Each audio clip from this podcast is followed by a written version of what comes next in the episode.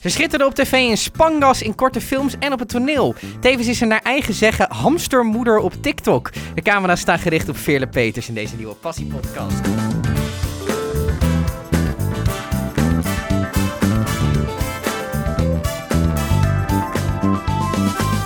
Je moest heel erg hard lachen bij dat laatste. Van, Wat een intro. van waar de hilariteit? Nou, dat jij gewoon helemaal research hebt gedaan en Ja, mijn altijd- TikTok hebt bekeken. Altijd even. Nou, wat, je, wat mij opviel, jij hebt op je Instagram heel duidelijk staan dat je, dat je TikTokt. Ja. En dat je daar, hoeveel voor? 90k was het, hè? Ja, Ja, dat is een serieus aantal. ja, Ja, we, gaan meteen, we schieten meteen die TikTok-hoek in. Moeten we misschien niet doen. Eh, we parkeren, parkeren hem even voor, eh, Ja. voor later in het gesprek. Veerlijk goed dat je er bent. Ja, leuk dat ik er mag komen. Hoe oud was je toen je eh, wist dat je wilde doen wat je bent gaan doen? Ehm, ik denk eigenlijk best wel jong. Maar pas op mijn zestiende ehm, had ik echt bedacht van... oké, ik ga hier 100% voor. En ik, ehm, ja, ik ga er gewoon achteraan. Ik had heel erg het idee van... wat nou als ik dit nooit eh, ga proberen... dan ga ik echt eh, spijt krijgen. Mhm. was echt zo'n realisatie. Ik was 16 en ik had echt zo'n moment dat ik dacht: wow, niemand gaat mijn leven maken zoals ik dat zelf wil. Dus Weet ik je moet wel? het zelf doen. Ja, Ja. want daarvoor heb je natuurlijk allemaal school en eh, je ouders hebben meningen en ideeën. Maar toen in één keer, ja, dat ontwikkelen, weet je wel. Dat je echt denkt van wow, ik ben mijn eigen mens. En echt een soort van, eh, toen dacht ik ja, ik wil acteren en dat ga ik gewoon doen. En eh, ik ga kijken hoe ver ik kom. Dus eh, Zat daar onzekerheid? Want je, ki- je kiest natuurlijk voor een, een creatief beroep. ja. Een beroep waar heel veel mensen toch een bepaalde droom in hebben. En je weet gewoon dat de plekjes schaar zijn. Ja. ben je daar op je zestiende al mee bezig? Of Ehm, ja, weet je, ik, ehm, ik dacht ik ga het gewoon proberen. Ik weet wel aan het begin, de eerste drie jaar dat ik dit deed, of dat ik echt ehm, audities eh, probeerde te doen, dat ik studentenfilms deed, heb ik het ook echt gewoon tegen niemand gezegd. Mijn klasgenoten wisten dat niet. Mhm. En dat was ook meer omdat ehm, ik kom gewoon uit een klein dorpje en dan kun je wel eens de reactie krijgen van, eh, oh denk je dat jij dat kan? Mhm. Van eh, wat ga je, wat, wat denk je dan dat je een filmster bent of zo? Mhm. Dus, maar ik had inderdaad wel door dat, de, dat er weinig eh, plekken zijn. Maar ik heb ook wel echt altijd heel erg veel doorzettingsvermogen gehad. Dus dat ik wel echt, echt dacht van oké, eh, mensen kunnen zeggen van oké, er zijn weinig eh, mogelijkheden en de kans is heel erg klein. Maar toen dacht ik, ja, maar je kent mij nog niet. en je weet niet ehm, tot hoe lang ik wel niet doorga tot ik het heb bereikt, zeg maar. En ik ben nog steeds bezig, dus ja, Het gaat ergens goed. ja, ik bedoel, ik push gewoon door en ik heb die big break eh, zeker nog niet gehad. Maar eh, Wat bedoel je met big break? ehm, nou, als je in een serie of een film komt eh, waaruit je daarna gewoon echt weer meer werk eh, Kan krijgen. Kan krijgen. Ja. Ja. Ehm, we gaan het zo hebben over waar je nu staat en waar je nu mee bezig bent. Maar laten we even teruggaan naar Kleine Veerler. Was dat al het geval dat je op verjaardagsfeestjes toneelstukjes opvoeren? Of kwam dat pas later?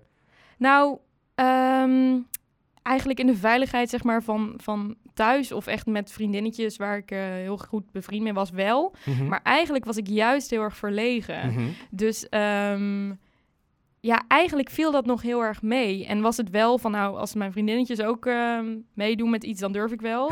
Maar zelf eigenlijk nog niet. Maar ik had wel altijd in mijn achterhoofd, en mijn moeder had ook altijd gezegd, oh, je bent echt, eh, je kan wel cabaretier worden of zoiets. Ehm, en ik heb dat wel altijd in mijn achterhoofd gehouden. Maar niet eh, zoals je inderdaad kinderen hebt die inderdaad... Ik had echt op mijn... Voor mijn zestiende had ik dit ook nooit gedurfd of gekund. Echt niet, nee. En wat is, is dat verlegenheid? Is dat onzekerheid? Waar zit hem dat in, denk je? Ja, toch... ehm, wacht, ik hoor mezelf niet zo goed meer. Wacht. Eh, toch, ehm, ja, inderdaad, onzekerheid. En ook, ehm, wat ik al zei, in zo'n klein dorpje... van ja, wat denk je dan dat jij dat kan? Of zo. Is dat echt beperkend, denk je? Want je hoort toch ook veel verhalen van mensen die best wel succesvol zijn geworden. Die, die juist omdat ze voor een gevoel harder moesten knokken, daar makkelijker kwamen. Hm, weet ik niet per se. Ehm, nou, ik had wel altijd ook een bewijsdrang. Weet je Mhm. wel, van hoe cool is het als jullie nu allemaal denken van nou, die komt er niet. Om dan over een paar jaar te zeggen van look at me, weet je wel. Welk Dus, dorpje kwam je eigenlijk? ehm, nou, ik ben opgegroeid in Meerlo. Dat eh, ligt dus in Noord-Limburg. En daarna ben ik verhuisd eh, naar Horst. Mhm. Dat ligt ook in Noord-Limburg trouwens. Maar eh, ja, ik heb het idee. ehm, niet negatief hoor, naar ehm, die plek of zo. Maar mensen, mensen hebben, ehm, mensen willen daar blijven wonen. Of veel mensen. Er zijn ook genoeg mensen die inderdaad naar de grote stad gaan. Of hele grote dromen hebben en naar het buitenland gaan. Maar ehm, ik voelde dat er niet echt open werd gestaan of zo voor echt dat grote droom. Want ik ben wel echt van, het is een Oscar en niet minder. Mhm, Je wil er wel echt voor gaan. Ja, ik ga niet zeggen van nou, eh, ik vind het toch wel heel spannend en eh, het zou heel tof zijn als ik in Nederland eh, wat kon doen. Nee, ik heb wel echt gezegd van ik ga ook, eh, weet je, je kan maar beter gewoon heel hoog rijken en dan eindig je alsnog heel hoog. Weet je wel? Zijn er, zijn er, denk je dat de, de mensen die het niet lukt over het algemeen de mensen zijn die daar toch wat beperkter in denken? Die denken van, nou ja, misschien word ik een middenmotor of een beetje... eh, dus dat die mensen dan toch wel afhaken of zo? Ehm, dat denk ik niet per se, want als je het echt, eigenlijk bij de eerste auditie die je doet, merk je al ehm, hoe moeilijk het is, zeg maar. Mhm. Dus ik denk dat mensen die misschien afhaken, of als ik misschien over vijf jaar zeg: hé, hey, ik vind het niet meer leuk, ik ga ermee stoppen, dan is dat niet door ehm, mijn doorzettingsvermogen. Dat, is, dat ligt dan echt aan: ehm, ik vind het gewoon niet meer leuk. Ja. Snap je? en ik ja. denk dat mensen die misschien ooit in een serie hebben gespeeld en die je dus nu nergens meer ziet, dat dat ook echt een bewuste keuze is geweest. Geweest. Hoor. Want anders was je nooit in, weet je, in eerste instantie in die serie gekomen. Ja. Want dat heeft ook al lang geduurd om Ja. daar te komen, snap je? Daar ben je ook al gekozen tussen heel veel mensen. Ja, dus die mensen weten echt wel, die hebben al geknokt, maar die hebben op een bepaald moment denk ik gezegd, nou, het is niks meer voor mij, want ik kan me dat ook voorstellen. De stress die erbij komt kijken en het... Ja, Is het gedoe? ja, ja, mag best benoemd worden is. dus heel, veel gedoe. Ja. Wat, wa- hoe heb jij die skills ontwikkeld? Waar eh, ben je op toneelles gegaan? Hoe, hoe is dat pad voor jou gegaan? Ehm, nou, toen ik 13 was, eh, toen heb ik ook echt heel, eh, heel spannend met een vriendinnetje had ik toen eh, besproken van, ah, ik wil eigenlijk wel acteren. En zij zei, oh, ik eigenlijk ook. Want ik had toen wel wat jeugdseries gezien. Je had toen Vrijland op Zep. Ja, en daar zag ik Abby Hoes. En toen dacht ik, oh my god. Dat is gewoon een, een kind. Zij is gewoon nog een, een jong meisje, zeg maar. En zij speelt in een serie. Dat Ja. kan gewoon, weet je wel. En ehm, toen was ik op to- eh, toneelles gegaan. En ik weet nog de eerste twee jaar dat ik dat deed. Ik vond het verschrikkelijk. wat vond je er zo kut aan dan? Het was zo spannend. En ik kwam daar en er waren allemaal mensen die waren ouder dan ik. En ik was echt nog zo'n klein huppeltje. Ik was ook ja, een beetje eh, laat in de puberty, zeg maar. Dus ik weet je wel, ik was echt nog zo'n klein kindje. Maar ik wilde het wel heel graag, maar ik, ik durfde gewoon niet zo goed. Dus dan heb je bijvoorbeeld een opdracht van... ehm, ja, iedereen moet één voor één eh, gewoon zomaar in één keer een personage spelen. En dan, dan zat ik gewoon te tellen, oké, ik ben de vierde in de kring en ik moet dadelijk... En dan zat ik al helemaal te bedenken van... Terwijl het is de kunst om op dat moment in één keer ergens in te springen en te durven. Mhm. Ehm, maar ja, weet je, Leer je dat dan aan doordat je heel veel van dat soort opdrachten kijkt? Dat de eerste keer dat je denkt, eh, oeh, wat eng dit. En dat je denkt, oh, en helemaal in je hoofd gaat. En dat de tiende keer dat je denkt, ja, deze zag ik wel aankomen, vriend. Een beetje. Maar ik heb nog steeds, als ik nu bijvoorbeeld met mensen zou gaan spelen of eh, moet improviseren of zo, bij een auditie of er is toch in één keer heel veel spanning, dan ga ik inderdaad wel even van tevoren toch wel heel snel in mijn hoofd. mm, Wat moet- zou er kunnen komen? Ja. Zeker, Ja. ja. Moet je als act- acteur of actrice kunnen improviseren? Het hoeft niet voor elke rol, denk ik. Nou, 100% wel. Ja, vertel. zeker weten. En dat is ook iets waarvan ik denk dat ik daar eigenlijk wel juist het beste in ben. Mhm. Ehm, omdat ehm, bij tekst kun je heel vaak kun je jezelf een beetje ehm, ja, vastzetten.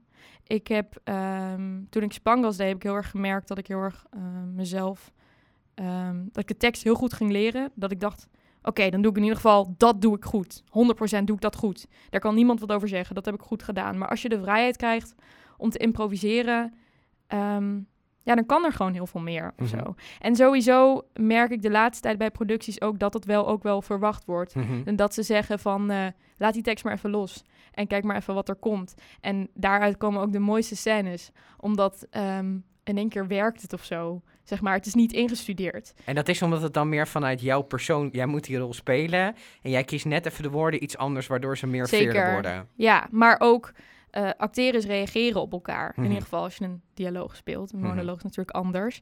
Ehm, maar ehm, dan reageer je eigenlijk live op elkaar. Mhm. Terwijl als ehm, ik zo, als wij nu een script hebben en jij laat nu iets vallen of Mhm. zo, en ik moet daar heel erg van schrikken, is het dus de kunst om daar eh, van te schrikken zonder dat het lijkt oh, jij wist van tevoren dat dat, je ging gebeuren. schrikken. En dat is heel moeilijk. Dat, nou, dat is wel moeilijk, dat is een uitdaging. Maar als je dus gaat improviseren, Mhm. dan is dat heel chill. Dan kun je ook echt live soort van innemen van... oh, dit wordt nu gezegd. Mhm. Wat vind ik daarvan? Wat is Mhm. mijn reactie?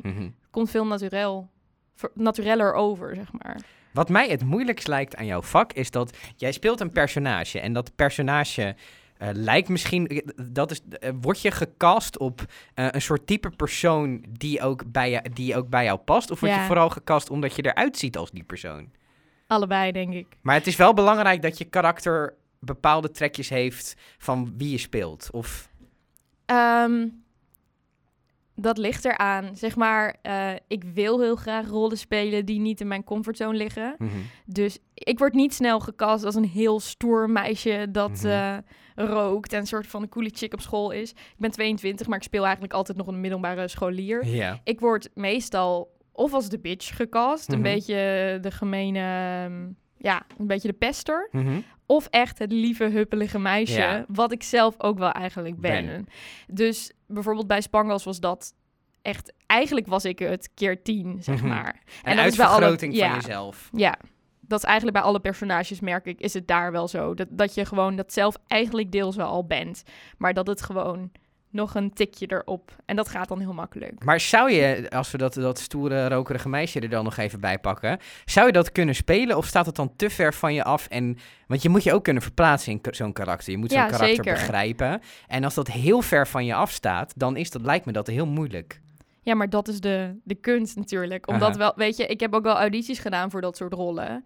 En dan vond ik dat ook extra spannend, omdat het, weet je wel, niet mijn, mijn standaard ding is. Mhm. Maar dat is juist wat ik wil. Ja. Om niet eh, standaard het eh, cute eh, meisje te zijn, maar ook gewoon eens een keer die badass chick of zo. Mhm. Want dat ben, ja, ik, ik voel, het voelt alsof ik dat ben je niet dat ben. ook wel. Nou, misschien wel, maar ehm, ja, ik ben op dit moment meer gewoon een hyper dingetje, zeg. Johnny Depp is ook geen piraat. Ja, dat, nee, maar dat is, dat is de kunst van acteren, weet Mhm. je. Dus eh, ja, Ja, ik snap hem. Ehm, kan je nog je eerste... eh, wat was de eerste auditie die voor jou echt belangrijk was? En dat hoeft niet per se voor je carrière te zijn, maar voor je gevoel. Dat je daar echt een paar dagen in je hoofd mee bezig was en, en, en, en doodzenuwachtig was en zweten en dat soort shizzle. Ehm, ehm, sowieso was iedere auditie voor mij aan het begin heel belangrijk. Mhm. En was het ook echt van, oké, ik heb ook nog school en toetsen en misschien moet ik daar ook mee bezig zijn. Maar, Dat was erg moeilijk. ehm, ja, maar mijn eerste echt auditie waarvan ik dacht van, oh my god, hier hangt zoveel vanaf. Dat was de auditie voor Spangas. Mhm. En wat er ook eigenlijk gebeurde, dat was heel, daar hing heel veel vanaf. Want ik had dat jaar ook auditie gedaan voor de Amsterdamse toneelschool. En ik was door naar de tweede ronde. Wat heel bijzonder is als ik er nu op terugkijk. Want ik wist echt niet wat ik deed. En ik was ook echt helemaal niet zo zeker van mezelf als dat ik nu ben. Ehm, maar die dag van de tweede ronde viel samen met een tweede ronde van de Spangas-auditie. Mhm.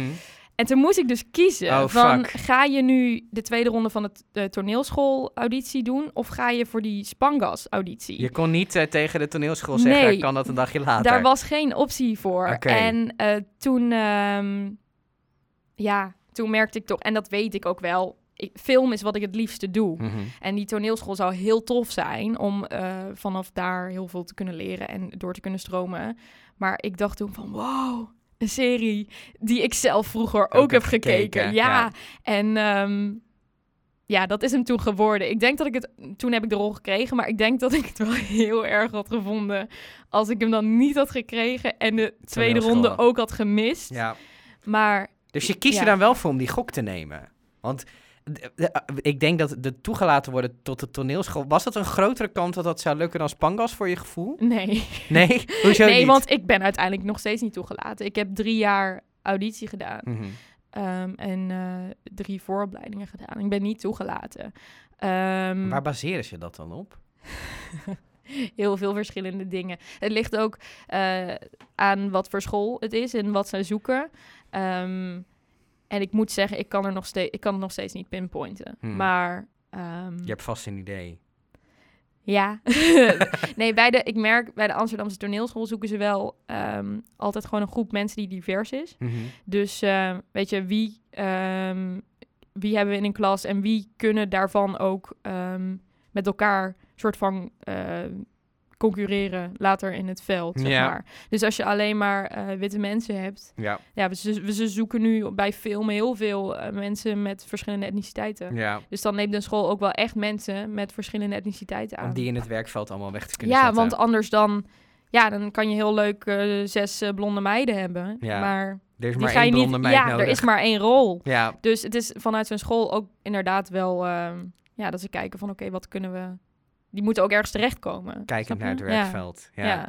Ehm, is Pangas belangrijk geweest voor jou? Ja, zeker. Ik heb echt... toen ik hem kreeg, de, toen ik het hoorde dat ik de rol kreeg... En het was een bijrol, hè. Het is Mhm. nog steeds niet een hoofdrol of weet ik wat. Maar ik heb zo hard gehuild. en als ik er nu aan terugdenk... Ik kan er nog steeds wel om huilen, omdat ik zo... Het was voor mij veel meer dan... Oh, ik heb een rol gekregen. Het was mijn eerste echte bevestiging Dat je een goede van gok. Veerle, jij kan dit en jij mag op tv. En Ja. er is iemand die heeft dat gezegd dat jij dat kan. Ja. En wat trouwens ook nog een, een, iets is wat ik nog helemaal niet heb verteld. Ik had toen de tijd gewoon nog een accent. En ik Ah, heb, dat, ik heb dat ook nog helemaal afgeleerd eh, voor die audities en alles. Kan je Ehm, dat accent nog naar boven halen weer? Of, Zeker, eh, ik kan het gewoon nog. hey, gezellig. Nee, dat is Brabant. Wat doe Ja. ik nou? Ja, ja tof. Ehm, toen begon dat traject met, met Spangas. Hoe lang heeft dat geduurd? Ik denk vier maanden en ik ben daar dus ook voor naar Amsterdam verhuisd. Dus dat was heel... eh, Spannend. heel spannend, maar wel echt soort van alsof ik mijn droom leefde of zo. En ja. dat voelde, dat was ook zo. ja, nou ja, ik weet wel dat ik. ehm, ja, ik weet niet. Ik, ik, ik vond het wel. Het was heel leuk, en het, maar het was ook wel heel spannend. En ik legde ook wel heel veel druk op mezelf. Ja. Dus ik weet dat ik de eerste draaidag dat ik daar stond. Toen moest ik een scène spelen en ik wist de tekst even niet, want ik was zo nerveus. En er stonden allemaal mensen en heel veel figuranten ook die dag. Toen heb ik heel even gehuild. en toen daarna, toen zei de regisseur van, maar je doet het hartstikke goed. En je krijgt een extra close. En toen dacht ik, oh, Chill. ik heb Fijn, extra nou ja. close, ja. ja. Maar heb je er daardoor wel van kunnen genieten tijdens die tijd? Kan dat na een tijdje wel? Of jawel bleef die hoor. stress Nee, gewoon heel jawel. hoog? Jawel. Alleen, ehm, ja, ik weet niet, het was ook zo voorbij. Ja. Weet je? En dan waren er, dat, was, dat viel me heel erg op. Ik had geen hoofdrol, maar ik had wel echt, ja, ik draaide wel veel, zeg Mhm. maar. Dus ik, ik, viel er, ik viel er net even een beetje buiten. Want die groep die de hoofdrollen, zeg maar, hadden allemaal, die hadden ook echt een beetje een, eh, een clubje samen. En het waren hele aardige mensen hoor. Alleen, eh, ik merkte Die ik- speelden al langer met elkaar. ja, en ik merkte dat ik daar een beetje buiten viel. Ehm, en ik weet nog dat ik toen... eh, dan, dan keek ik op mijn schema en toen was het... Ah, fuck, ik heb morgen geen draaidag. En toen zei ik dat zo eh, tegen Joe, mijn tegenspeler. En die zei van, dat is toch chill, kun je morgen uitslapen? En ik was, nee, ik wil wil om half zeven hier staan. In de en, kou. Ja, want dit wil ik, weet je wel. Ik Ja. was gewoon iedere scène die ik erbij kan krijgen... of wat ik mag doen, daar ben ik ervoor. Ja, ja. ja. En hoe lang is dit nu geleden? Dit is in 2017 geweest. Dat is dus best alweer een tijdje. Ja, zeker. Ja. En dat was ook. ehm, ben heel blij dat ik niet in de toekomst heb kunnen kijken. Want ik weet dat ik op dat moment, toen ik die rol kreeg, dat ik dacht: dit, dit is het. Mhm. En nu, vanaf hier, gaan we alleen maar nog omhoog. Nou, Mhm. en dat is echt niet gebeurd, Nee. zeg maar. Ja. Dus daarin is het wel een hele harde wereld. Ja, en ook, ik, ja, ja. Want ik heb ook, op dat moment heb ik het gewoon op me af laten komen. Maar ik heb niet gedacht, nou, eh, echt goed contact houden nu met deze regisseur. Voor een volgende serie die hij Mhm. gaat doen. Ja, had ik. Ik had geen idee. Ik dacht, eh castingbureau ken me nu, prima. Eh, Dus let's go. Merk je wel Ja. dat er deuren open gaan naar zo'n spangas? Ehm, ja, het is wel, mensen kennen het. Mhm. Dus ja, wel. Als mensen dan vragen, wat heb je gedaan? En je zegt, oh, ik heb Spangas gedaan. Dan zeggen ze, oh, daar keek ik vroeger naar. En, Ja. Maar ja, ja, ik weet niet, je moet er alsnog heel erg Hard, voor werken. ja, zeker en, achteraan. en dat blijft ook wel natuurlijk een beetje. Ja, Ja. Is dat een realiteit die later komt? Van het, het blijft keihard knokken. Het is niet op een gegeven moment klaar. Ja, denk het wel. Ik denk, want ik heb heel lang, wat ik al zei, het idee gehad, ik moet één ding hebben en dan stroom ik door. Nou, dat Mhm. is gewoon niet zo. Nee. Dus als ik nu, eh, bij wijze van spreken, wel eh, in een serie zou komen weer of iets. En dat is gewoon een leuke serie, maar niet een serie die aanslaat zoals, ja, weet ik wat, echt een hele grote serie of een hele grote film die het heel goed doet. ja. Ja, dan moet ik daarna echt wel weer opnieuw eh, mezelf wel in zo'n serie Te weten te lullen, weet ja. je wel. Ja, ja, ja. ja het is, blijft gewoon heel hard netwerken en heel hard werken. Ja, Ehm, er zijn voor ehm, mensen in de creatieve sector ook steeds meer mogelijkheden om buiten de reguliere wegen om publiek op te bouwen en geld te verdienen. ja. Eh, daar maak jij gortig gebruik van, heb ik het idee. Is dat zo of is dat dan wat ik concludeer? Ja, dat is zo. Nu wel. Ik heb het ook heel... eh, ja, hoe zeg ik? Ik doe nu TikTok dus. Mhm. Maar ik heb voorheen inderdaad ook YouTube-video's gemaakt. En Mhm. op Instagram ook sketches gemaakt. Ehm, ook met de reden dat er bij sommige castings... eh, dat ze het fijn vinden als je inderdaad al een beetje bekend kopie hebt. Want en dat er- levert gewoon ook geld op. ja, Ja. en ehm, het is voor mij altijd heel pijnlijk hoor. Maar als er weer influencers gecast worden, dan denk ik, nou... En toen dacht ik, Dat je denkt, ik kan beter acteren. nou ja, misschien wel. Maar ja, maar dat ik ik dan dacht, oké, jullie willen een influencer? Mhm. Nou, dan word ik dat toch Dus ook, gewoon- ja. weet je? Dus dat was een beetje jouw reactie, van we gaan dat gewoon doen. Of, Nou ja, ehm, ik maakte dus sketches op Instagram. En toen had een vriendin tegen mij gezegd... Oh, ik zit nu op TikTok Mhm. en eh, daar worden ook sketches gemaakt. En eh, volgens mij is dat echt een beetje een platform voor jou. En toen Aha. zei ik, ja, we zijn nou aan beginnen. En ook het idee van het is echt heel erg voor kinderen. ja. Ehm, Het idee dat heel veel mensen nog steeds hebben, volgens mij. het, i- maar dat, het idee wat dus niet helemaal klopt. Mhm. Ehm, maar toen ben ik begonnen en... ehm ho, mijn geluid gaat weer uit, omdat ik hier met mijn... eh, Je moet niet zo enthousiast zijn, Veerle. Ja, maar dit is waar... Nee, heel goed. Helemaal- vertel verder. Wacht even hoor. Kan je hier even Oh, een marker me- plaatsen? Ja, ik hoor me weer. Top. Ga verder. Ehm, waar, was ik, waar had ik het over? je begon met TikTok. Ja, ehm, ik begon eigenlijk met het idee van we kijken wel. Mhm. En toen ehm, kwam ik er al snel achter, ja, het zijn video's van maximaal één minuut. Mhm. En wat er toen op zat, dacht ik, wow, dit kan ik dus echt heel veel beter. en niet dat het dan een wedstrijd is hoor, maar meer zo van, Er liggen kansen. ja. En mensen, dat is het fijn aan TikTok, er is een algoritme wat ervoor zorgt dat jij inderdaad eh, gezien kan worden. Ook al heb je, ben je net begonnen en heb je nog niet zoveel volgers. En dat is heel anders dan op Instagram of op YouTube. Daar moet je echt één keer een soort viral gaan. En daar haal je dan misschien wat publiek uit. Maar het is echt veel moeilijker dan op TikTok. Ja. Dus ja, Ja. ik kreeg echt waardering voor het eerst. Voor wat je deed. Voor, eh, ik dacht, ik heb altijd gedacht van, oké, ik maak misschien wel leuke sketches of zo, maar vriendinnen vinden dat wel leuk of Ja. prima. En nu in één keer allemaal kinderen die helemaal stuk gingen. Ik dacht, wow, Wat leuk. hier? Ja. Ja. Maar dat is in 90k volgens wel een serieus aantal. Ja. Heb je ze wel eens voor je gezien in een zaal? nee. Dus nu natuurlijk tijdens corona helemaal niet te doen, maar the- de the- theoretisch zeg maar. nee, ja, ik, ehm, ik sta er eigenlijk helemaal niet bij stil. En eigenlijk, het is heel erg, ik ben heel kritisch op mezelf. Dus eigenlijk zit ik alleen maar van, ik heb de 100k nog niet. ja, ja, terwijl daar groei je best wel snel naartoe nu. ja. Wat maak je op TikTok? Want je noemt sketches. Kan je dat iets meer... Want ik zag iets met hamsters voorbij komen. je hebt dat heel prominent staan. Ja, kijk, ik heb dus twee hamsters. Ik, heb ook, ik ben ook echt een dierenvriend. Ik heb ook altijd dieren gehad en zo. Ehm, en ongeveer een jaar geleden heb ik dus twee hamsters gehaald. En ehm, ik dacht, ik maak daar af en toe een filmpje over.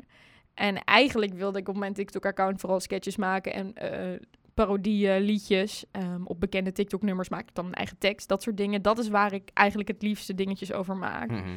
Maar toen had ik ook zoiets van, weet je wat, ik laat gewoon zien hoe die kooi eruit ziet. En ehm, ik eh, vertel dingen over ehm, ja, tips en zo, omdat er heel veel informatie is die niet klopt en zo. En ik vind dat ook wel leuk om daarover te praten, want het is ook wel, weet je, ik vind dieren leuk, Ja. prima, ik vind dat hartstikke Het leuk. komt Alleen, vanuit Veerle. Ja, zeker. Alleen, ehm, nu ben ik hamstermeisje.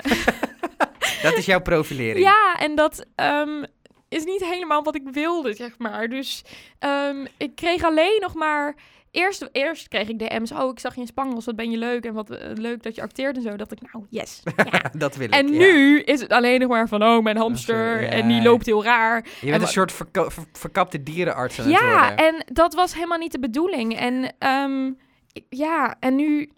nu ik heb is het dus- te uit zijn klauwen gegroeid om ermee te stoppen. En ik, ik vind het nog steeds wel leuk. Maar ik heb dus ooit hamstervrijdag in het Mhm. leven geroepen. Mhm. Het is nu vrijdag. Dus je bent nu hamstervrij. Nou, Of is het hamstervrijdag? het is hamstervrijdag. ja. Maar ehm, het is nu vrijdag en er staat geen hamstervrijdag. Dus je moet Op- nog iets. Nou, ehm, ik heb bedacht dat ik dat deze week niet wilde doen, omdat ik er geen, gewoon geen zin in had. En dan Mhm. voelt het voor mij niet meer oprecht. Maar ik heb wel echt al een aantal comments gehad van eh, waar, is hamstervrijdag? Ja, dus je zit er nu een beetje aan vast. Ja, Ja. En, eh, maar dat, ja. Als we gaan kijken naar de toekomst, hè. eh, we stellen eigenlijk als laatste vraag, waar sta je over vijf jaar? Die ga ik je zo als laatste stellen. Oh jeetje. Ehm, dus denk alvast over na. Maar wat ik ook nog al... Zie je jezelf... Denk je, oké, ehm, die TikTok die gaat nu lekker. eh, daar kan ik allemaal dingen omheen bouwen. En Veerle wordt een online content creator. of wordt het toch die serie? Oh, sowieso serie. Ja. 100%. Als ik nu TikTok moet laten vallen voor een film of een serie, dan, doe ik dat. Dan doe je dat. Want- dus die keuze heb je duidelijk Ja. gemaakt. Ja. Ja, Waar sta je over vijf jaar, Veerle? dan speel ik in een hele grote film en een hele grote serie. En dan eh, weten mensen ook wie ik ben. Heb je een voorkeur, als je er nu een zou moeten noemen die je zelf heel vet vindt, waarvan je denkt, daar wil ik dan zijn? Oh jeetje. Oh, de muziek speelt ook Ja, al. zeker. Ja, er zit wel urgentie achter dit antwoord. Oh nee. Ehm, er is nu een film, Slag om de Schelde. Mhm. Heeft het grootste budget gekregen ooit, volgens mij in Nederland, een film. Zo'n film. Dat zou heel vet Dat zou heel tof zijn. Veerle, dankjewel. Yes.